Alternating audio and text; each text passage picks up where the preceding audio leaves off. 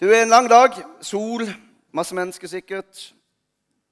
Men det er jo godt at du begynner Nå har du vært her så lenge at nå begynner du å bli sulten. vet du.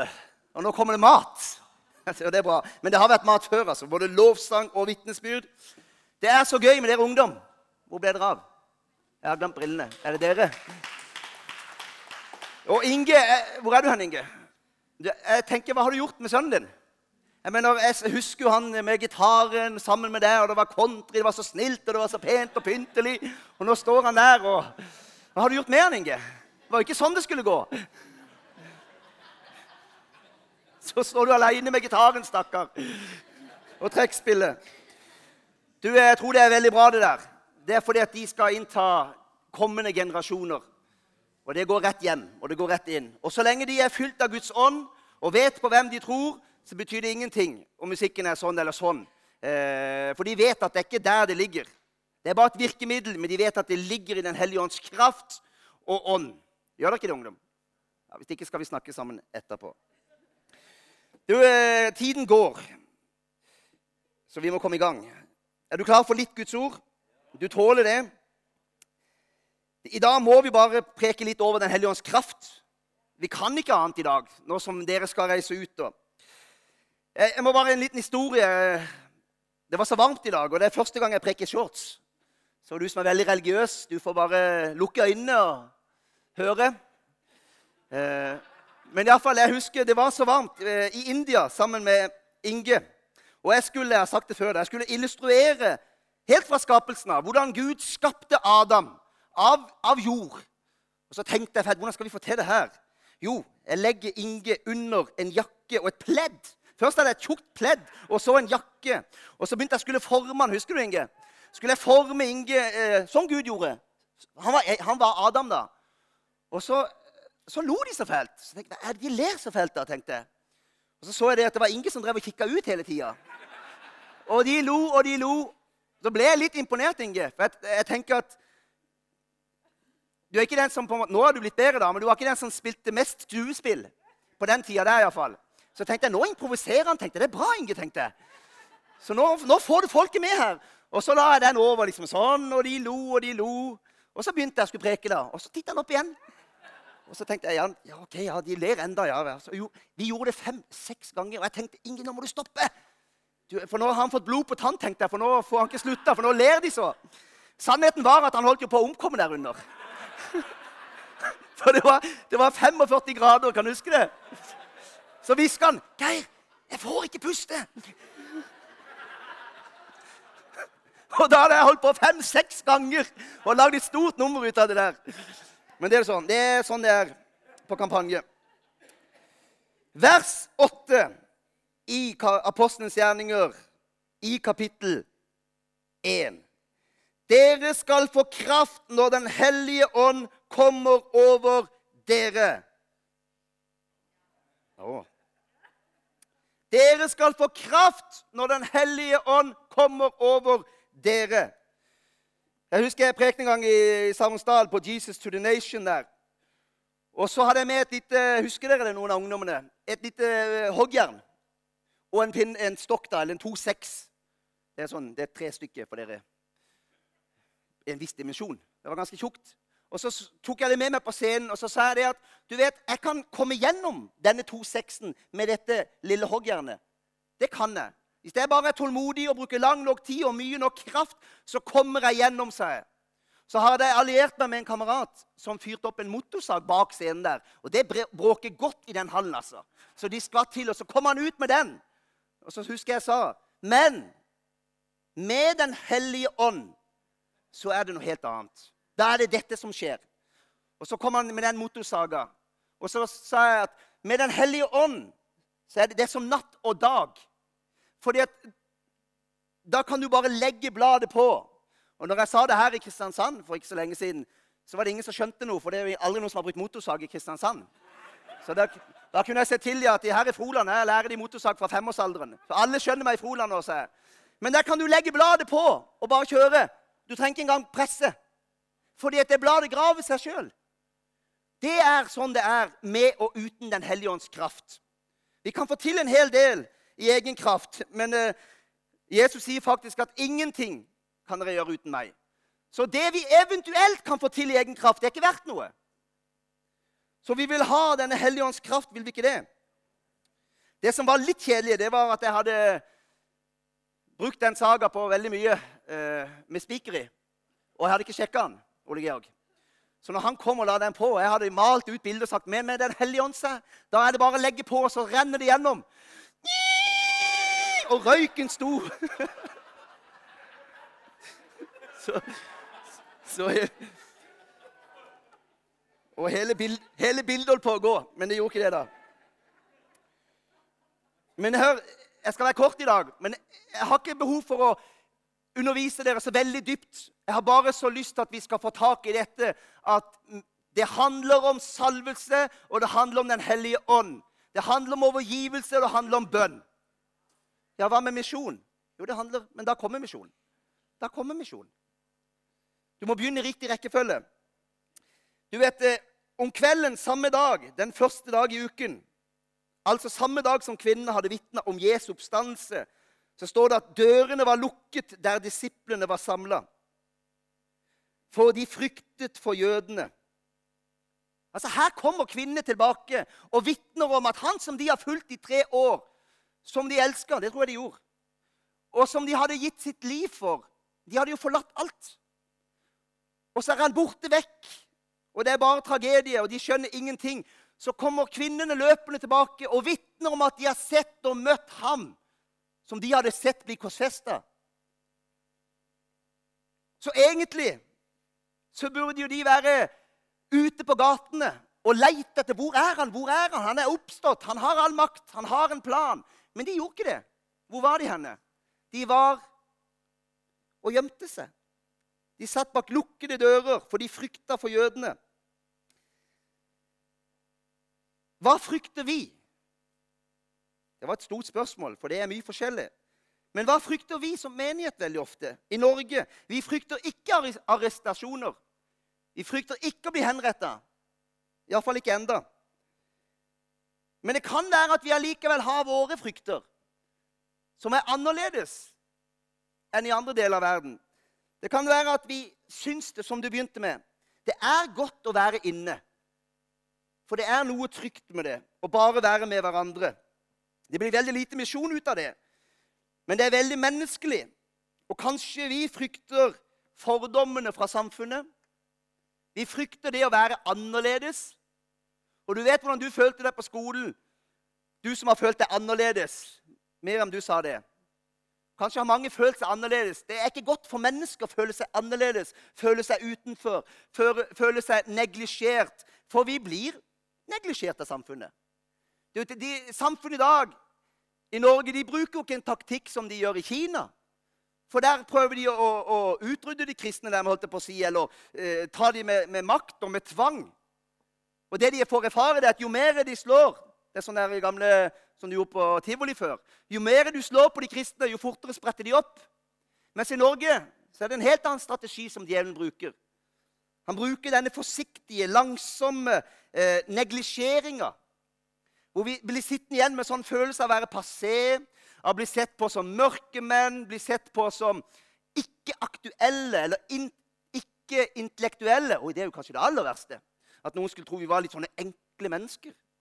Tenk om noen skulle tro vi var enkle mennesker. Kanskje det er vår frykt i dagens Kristen-Norge. At noen skulle mistenke oss for å være antiintellektuelle eller mørkemenn. Og jeg tror faktisk at mye av dette gjør at vi sitter stille i båten. Det tror jeg. For da blir det ikke så mye bevegelse. Og da blir det ikke så mye styr. Men jeg tror, på, jeg tror på mer enn å sitte stille. Gjør du, Geir? Ja.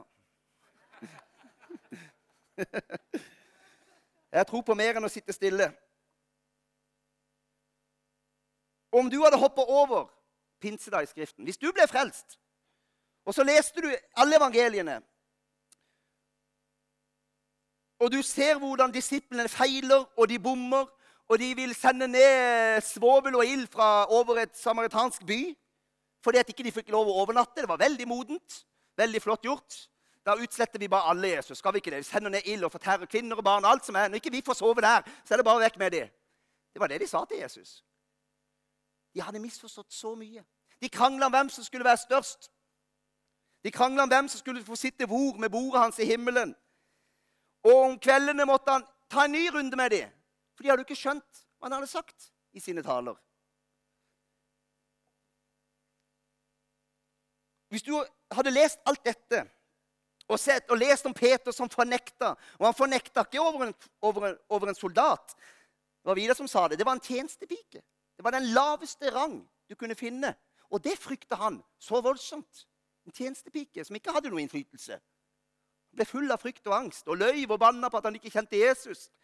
Så hadde du lest alt det her, og så hadde du hoppa over bare noen få kapitler. Det er snakk om én eller to.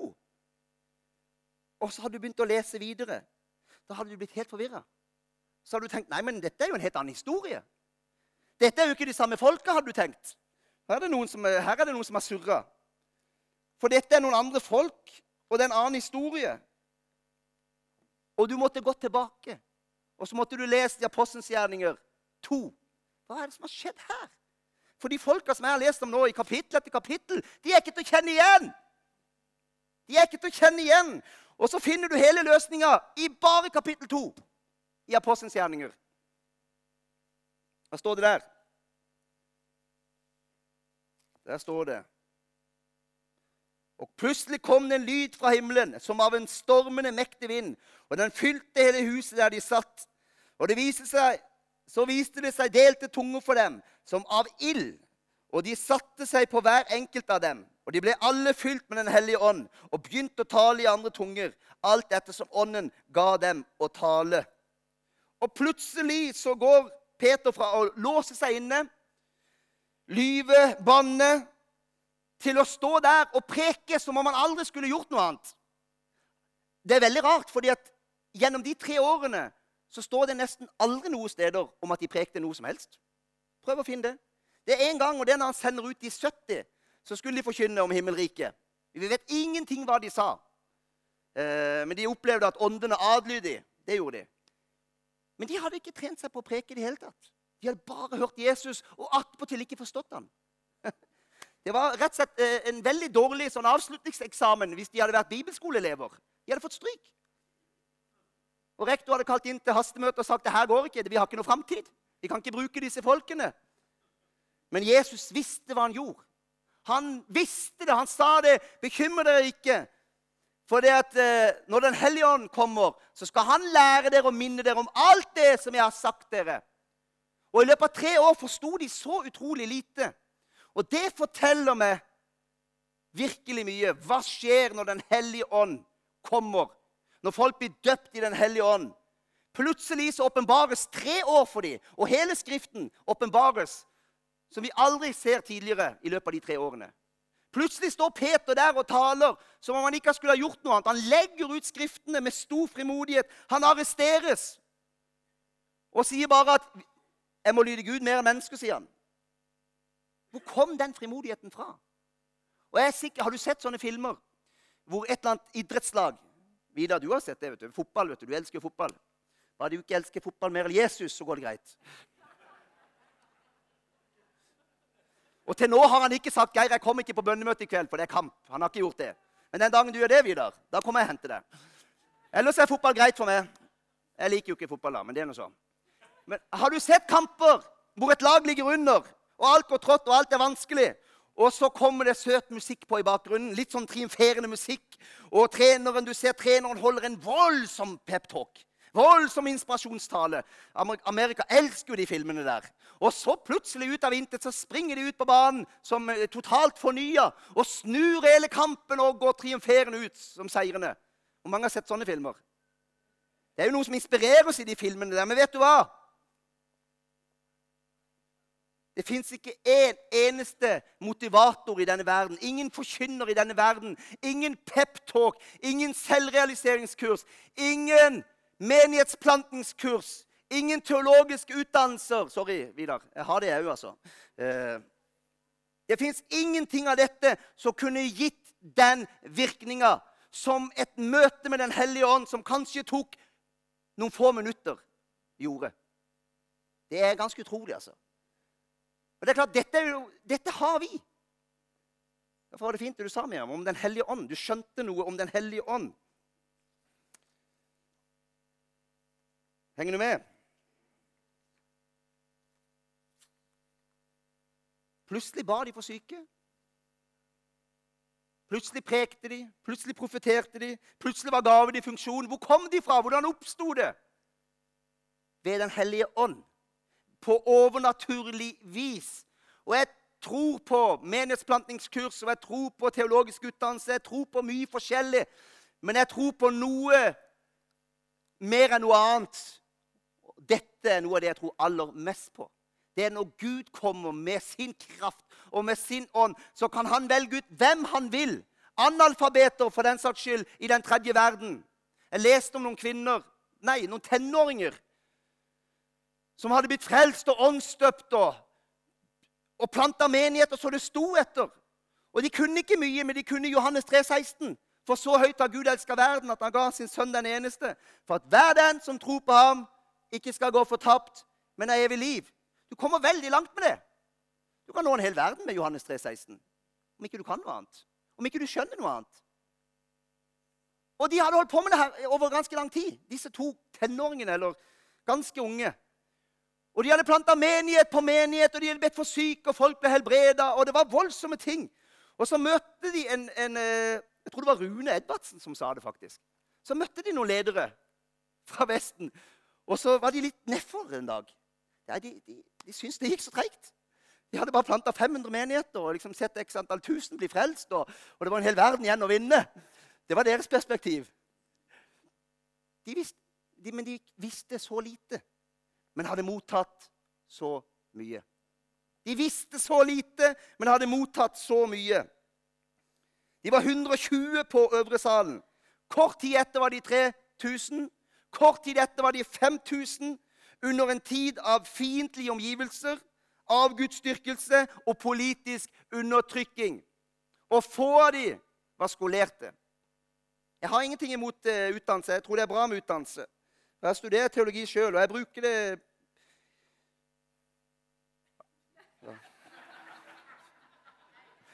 Bruker det hele tida. Faktisk så gjør man det. Jeg bruker det hele tida for min egen del når jeg leser Guds ord. For all del. Men det er ikke der kraften ligger.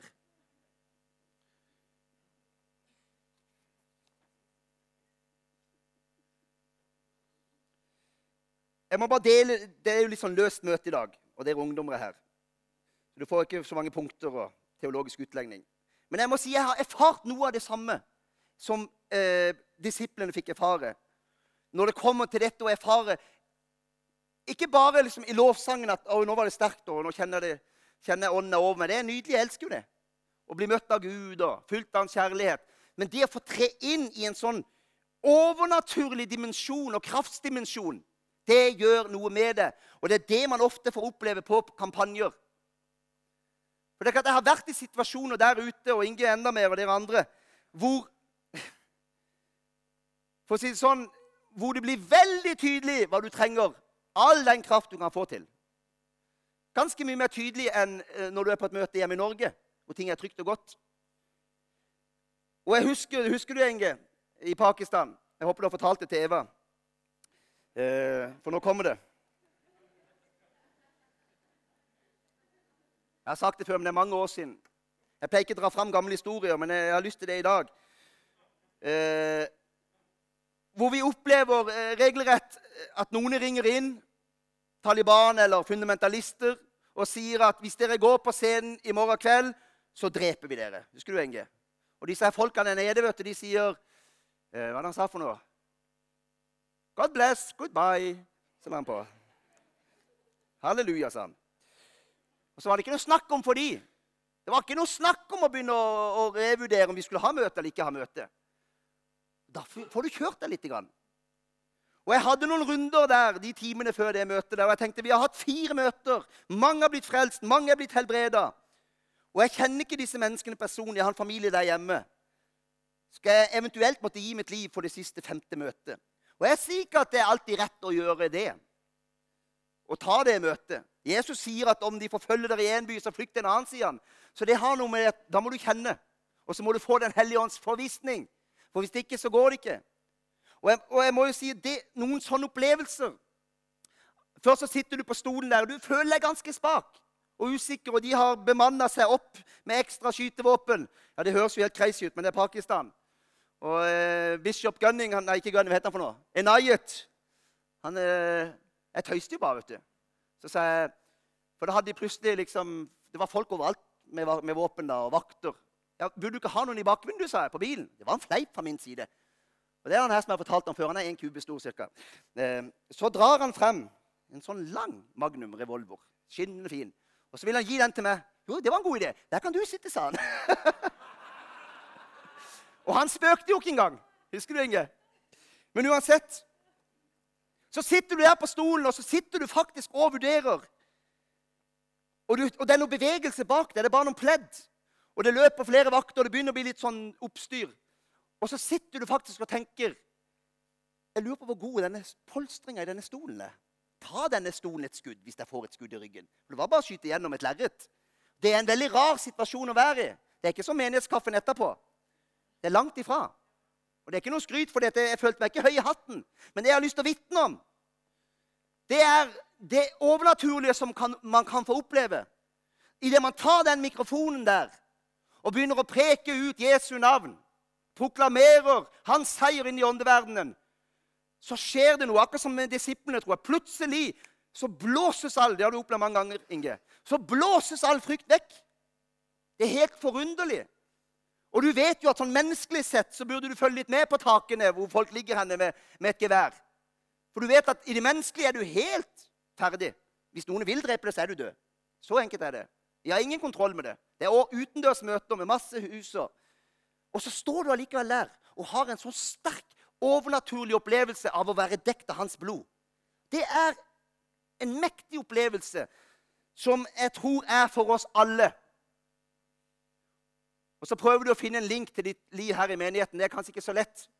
Akkurat så radikalt. Men vi trenger alle å komme i de situasjoner hvor vi er så utenfor oss sjøl. Det blir så tydelig at nå her er det ingenting jeg kan gjøre fra eller til. Jeg overgir meg til deg, Gud. Da kommer Gud på merkelig vis. Og Jeg husker en gang så sa de ja, dere må, ikke, dere må gå bak veien, for folk vil hilse på dere. Og hvis noen vil skade dere, så er det lett å stikke en kniv. da. Så de liksom holder folk unna litt sånn her. Så glemmer jeg meg vekk der, ute, og plutselig bare har jeg gått. Snur meg, der var jeg alene, og alle sammen kommer løpende. Eh, så kom jeg til å tenke på hva de sa. Og allikevel så var det som om Gud bare tredde en osteklokke over meg. Det var en sånn fysisk opplevelse som jeg sto der og tenkte Kom med kniv, kom med våpen, kom med hva som helst. Jeg beskytter ditt navn. Det høres jo kanskje voldsomt ut, men dette er mine opplevelser. Av å være der ute hvor du trenger en sånn kraftsdimensjon for å tørre å gjøre noe som helst. Iallfall i de landene. Og Jeg har lyst til å bare bevitne til dere ungdommer òg det er ikke sikkert du skal jakte etter akkurat den eller den opplevelsen. Men det fins et sterkt liv i Den hellige ånd, hvor du kan oppleve sånne overnaturlige gudsinngripener. Og Det tror jeg er verdt å ta med seg, er det ikke det, venner? Trenger vi det i Norge? Ja, vi gjør det. For jeg tror det blir tøffere tider i Norge. Det tror jeg. Jeg tror vi kommer til å trenge det mer og mer. La hoftene være ombundet og lampene deres brennende. Hva betyr det når det står at hoftene skal være ombundet? At du skal gå med belte så ikke du mister buksene? Det er ikke det. Men det er noe i nærheten, faktisk. La hoftene være ombundet. Ja, sorry, Inge. Må aldri få Inge til å le, for han stopper ikke på mange timer. Det er helt utrolig, altså. Vi hadde noen episoder, og så og, og, Gjennom flere dager så ligger vi og skal sove der. Vi hadde dobbeltseng, faktisk. Og, og så hø, hører jeg bare Inge som Midt på natta så sier jeg 'Er det stolen?' Ja. så nå kommer han til å le resten av møtet. Ombundet! Vet du hva det betydde? De gikk i kjortler. Det var ikke praktisk å løpe i kjortel. Det var ikke praktisk å være Du ble hindra av en kjortel. Så når de ombandt seg, så tok de opp kjortelen de lagde egentlig en kjole til, en min, eh, til et skjort, nærmest. Og så stappa de enden av kanten ned i beltet, sånn at de fikk frie knær til å løpe og springe. Det er det Jesus sier. Vi har jo ikke kjortler. Så hvordan kan vi være ombundet? Det betyr iallfall at det som hindrer oss, må vi gjøre noe med. Det som binder oss, må vi gjøre noe med. Det som gjør at ting går treigt, må vi gjøre noe med. Det som gjør at ikke vi handler frihet, må vi gjøre noe med. Og det her står i Lukas 12, og det står i et kapittel som handler om bekymring. Nesten hele kapittelet. Så det er tydelig at Jesus knytter bekymring veldig sterkt opp til dette å bli bundet og ikke bli handle, og få handlefrihet. Det står i den konteksten der. Og jeg tror Jesus bruker såpass mye tid på bekymring, for han vet at det er en av de tingene som, på, som djevelen lett kan bruke for å gjøre oss ineffektive, for å gjøre oss treige, for å gjøre oss passive. Og egentlig innadvendte. For hva skjer når jeg begynner å bekymre meg? Mitt univers det krymper fra de andre til inn i en liten ert her inne til bare meg. Har du opplevd det? Du kan ha perioder hvor du har overskudd og kraft. Du er opptatt av de andre. Så skjer det ting i livet, og så begynner du å bekymre deg. Og så er det som om noen bare stenger alt av gangsyn. Puff, meg og mitt. Og min bekymring. Det vet Herren at sånn er vi skapt, vi mennesker. Derfor bruker han så mye tid på det med bekymring. Han vet at det er noe som holder oss igjen. Hva gjør jeg når jeg bekymrer meg? Jeg har lært meg gjennom mange år Gå til Herren, gå til Herren, gå til Herren. Og Så kan jeg gå rundt her og vandre, og for så vidt det hender jo jeg bekymrer meg.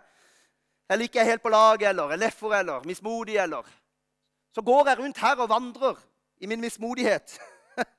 bare runde på runde og si det til Herren. For jeg har lært meg til at når jeg bare bruker tid med Han, bare gi det til Han, så slipper det før eller siden. Det var herlighetsteologi i kveld. Ja da, det var det. Men det er jo herlig. Skal vi avslutte straks? Halleluja. Amen. Fikk du med deg noe? Det er Gud som spenner sin styrke om meg og gjør min vei fullkommen. Når han gjør mine føtter lik hjortens og setter meg på mine høyder. Når han lærer mine hender opp til strid så en bue av bronse spennes av mine armer. Salme 18, 33. Det er Gud som spenner sin styrke rundt oss. ikke det en god tanke? Det er han som er kraften bak bua. Og jeg ønsker å leve der. At jeg har et veldig klart bilde av det er han Jeg vil egentlig tenke at han er den eneste som kan spenne den bua med sin kraft. Og Da hjelper det jo veldig lite hvor stor bue jeg har, eller hvor fin bue jeg har. Vi kan jo møtes til treff og sammenligne, liksom. Det er jo Mange som er bare sånne utstyrsfriker i dag. De skal bare ha utstyret, men de vet ikke hva de skal bruke det til. De skal ha ny sykkel hvert eneste år, men de får ikke brukt den. Det hjelper ikke så mye, da. Jeg liker å tenke at det er bare han som kan spenne den bua der. Det er min bue, det er, det, er, mitt liv, og det er min kropp. holdt jeg på å si, det, det, er mine gaver. Det er sånn jeg er født. Men det er han som utruster. Det er han som spenner buen. Det syns jeg er spennende. Og når, når, når, buen da skyter ut, så er det med ånd og liv og salves over kraft. Virkningen av det er 10 000 ganger mer.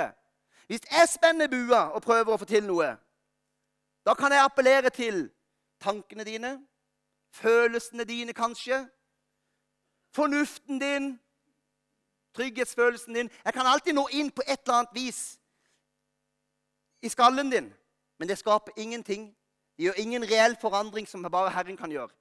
Men når Herren spenner buen, og du skyter Guds ord, hva skjer da? Det er det salvelse som kløyver marg og sjel og ånd og ben. Det Er det det står? Det er noe helt annet. Når du får noen sånne erfaringer, så, så, er det ikke så farlig å ta en mikrofon der ute og vitne for første gang.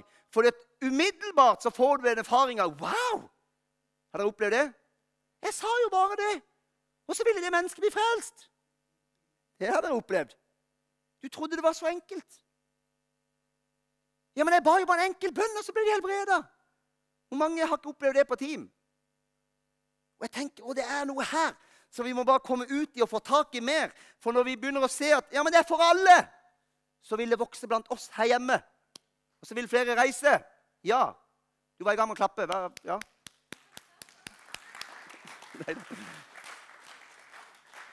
Amen. Klapp ikke for meg, vi klapper for Gud. altså.